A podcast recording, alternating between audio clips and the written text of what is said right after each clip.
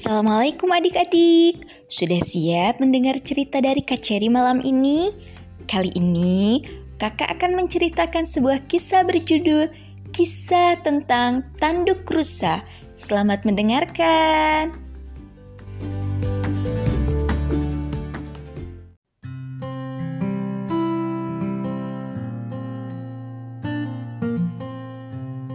Kisah tentang Tanduk Rusa Kuda bercermin di telaga.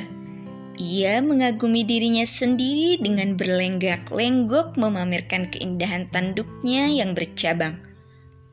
Tiba-tiba, di telaga yang sunyi itu muncul rusa dari balik semak-semak. Ia baru datang dari tempat yang jauh dan kekeringan. Jadinya, ia langsung menceburkan diri begitu tiba di telaga. Ia mendinginkan tubuhnya yang kepanasan dan minum sepuasnya. Ia tidak tahu jika telaga tersebut hanya biasa dipakai kuda untuk minum dan bercermin. Kamu itu tidak hormat sedikit pun kepada binatang tertampan, rusa. Engkau pasti iri dengan tubuh dan mahkotaku yang indah ini, bentak kuda.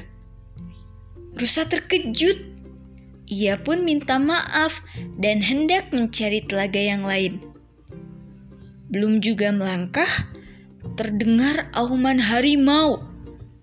Rusa dan kuda pun berlari sekencangnya. Kasihan sekali kamu rusa, kerdil dan tidak bisa lari secepat aku. Awas, jika tertangkap harimau, lehermu bisa patah ejek kuda sambil berlari. Kuda pun melesat masuk ke hutan. Namun, tanduknya terjebak akar-akar gantung. Tolong aku, rusa! Jangan biarkan aku dimakan harimau! Tolong! Pinta kuda. Rusa pun berhenti. Dengan cepat, rusa segera mengurai akar-akar yang membelit tanduk kuda. Begitu lepas, kuda dan rusa berlari lagi. Terima kasih, rusa, kata kuda. Aku mau meneruskan perjalananku, jawab rusa.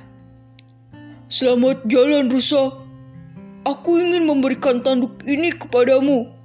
Mahkota inilah yang menjadikan aku angkuh.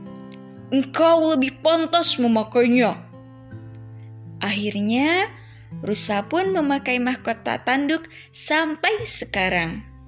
Dan kuda menjadi binatang yang baik hati dan suka menolong.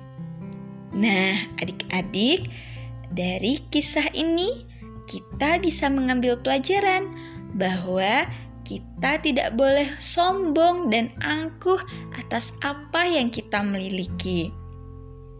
Karena kesombongan dan keangkuhan akan membuat kita dijauhi oleh orang-orang, termasuk teman-teman terdekat kita.